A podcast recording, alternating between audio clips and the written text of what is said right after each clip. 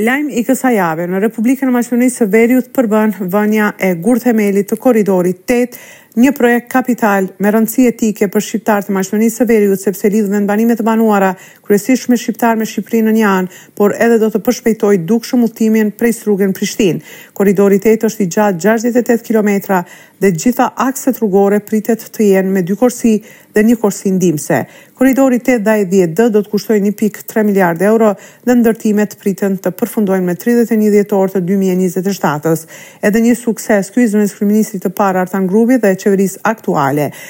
Artan Grubi është vendosur edhe koordinator i këtij projekti dhe koordinator për mbikëqyrjen e pikave kufitare mes Shqipërisë dhe Kosovës.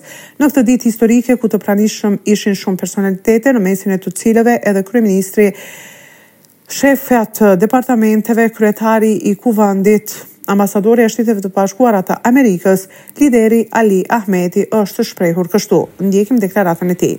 Nderuar pranishëm, i nderuar kryeministër, kryetar i Kuvendit, ministra, deputetë, kryetarë komunash, kryetarë partish,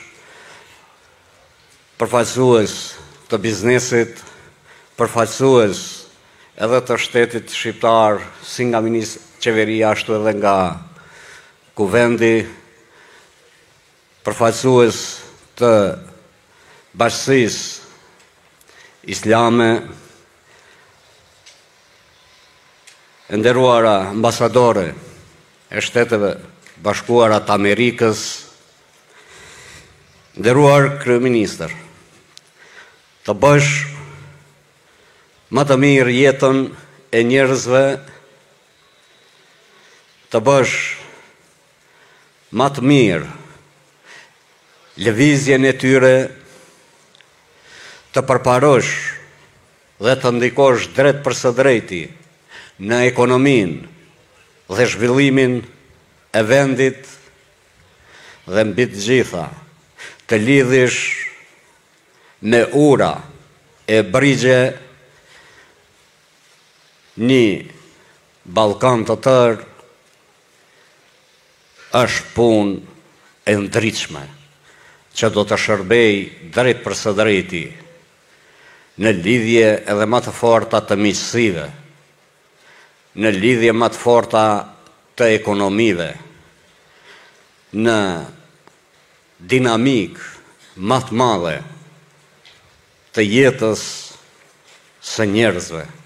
Kjo është mrekullia dhe do doja t'i uroj Në radhë të parë shëndet e tani suksese kompanisë ndërtuese Bechtel-Enka paçin suksese e sa ma shpejt ta mbyllin programin e tyre sipas agjendës së përcaktuar. Rrofshi e qofshi! Faleminderit! Pavarësisht sukseseve pas mbledhjes së fundit të mbajtur në BDI, grupi i të pakënaqurve apo grupi i zjarrit tashmë kanë dalur publikisht si fraksion. Ata këtë e kanë bërë pasi me njëzet e gjashtë vota pro u miratua plani i suksesit të ministrave aktual dhe vetëm gjashtë vota ishin kundër. Ata kanë thënë se do të vazhdojnë të jenë pjesë e partisë, do të funksionojnë si fraksion, nuk mund të përjashtohen nga partia sepse janë zgjedhur me kongres dhe me organe të partisë dhe do të marrin pjesë në mbledhje duke qenë të zëshëm.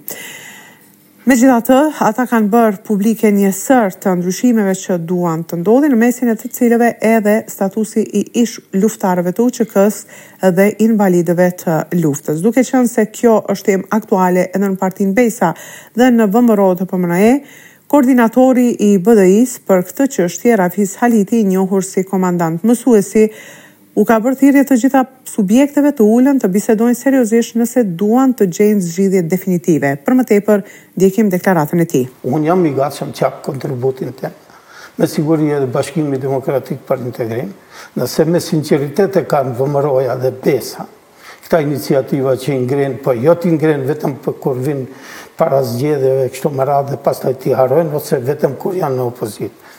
Ja, unë jam pjesëtar i pozitës në këtë rast ju bëj thirrje nëse janë të interesuar lirisht numrin tem telefonit e kanë le të më thrasin se jam i gatshëm në çdo moment të ulem në interes të zgjidhjes së këtyre çështjeve. Ndërkohë ka filluar diskutimi për ndryshimet kushtetuese dhe duket se vështirë është që të arrihet diçka. E para dhe ajo më e rëndësishmja është që tashmë VMRO-DPMNE edhe pse është përcaktuar afat ligjor që të dërgojnë përfaqësuesit e tyre partitë politike për grupet e punës të ndryshimeve kushtetuese, VMRO-DPMNE pengon dhe nuk ka emëruar askënd. Afati është deri të hanën më dhjetë prill i përcaktuar nga Ministria e Drejtësisë. Rreth pjesëmarrjes në këtë proces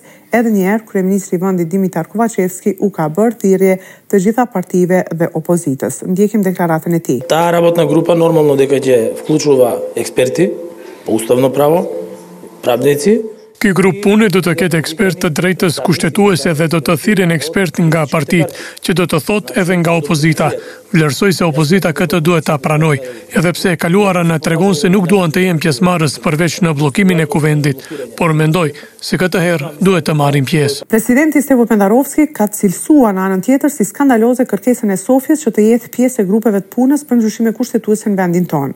Ai ka thënë se kërkesa e Sofjes nuk bëhet as nga okupatorët ndaj vendeve, territoreve apo shteteve që okupojnë. Në shekullin njëzet e një është shembull absurd të kërkoni të përziheni në proceset e brendshme politike, kushtetuese, ligjore të cilitdo shtet.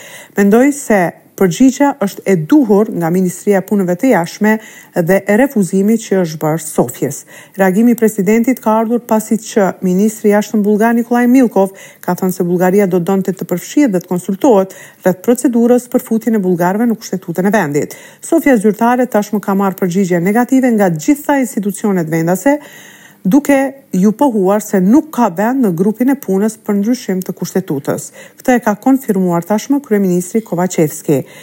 Ai ka thënë se i kemi informuar se procesi i ndryshimeve kushtetuese paraqet çështje të brendshme të Republikës së Maqedonisë së Veriut, e cila është e lidhur si detyrim me negociatat e anëtarësimit. Ky vendim është kompetencë e Ministrisë të Drejtësisë, partive politike dhe Kuvendit të Maqedonisë së Veriut, prandaj nuk ekziston as mundësi as vullnet politik dhe as mënyrë që dikush tjetër nga jashtë të kyçet në këtë proces, ka deklaruar decidivisht kryeministri Dimitar Kovaçevski. Ndërkohë, në takim me shefin e misionit të OSBE-së, Kilian Vall, kreu i BDI-së, lideri Ali Ahmeti, e ka njoftuar atë që koalicioni qeverisës ka nisur tashmë gjitha pregaditjet për ndryshimet kushtetuese dhe ka hartuar edhe planin për realizimin e tyre. Për radion SBS raporton nga Republika e Maqedonisë së Veriut, Besiana Mehmedi.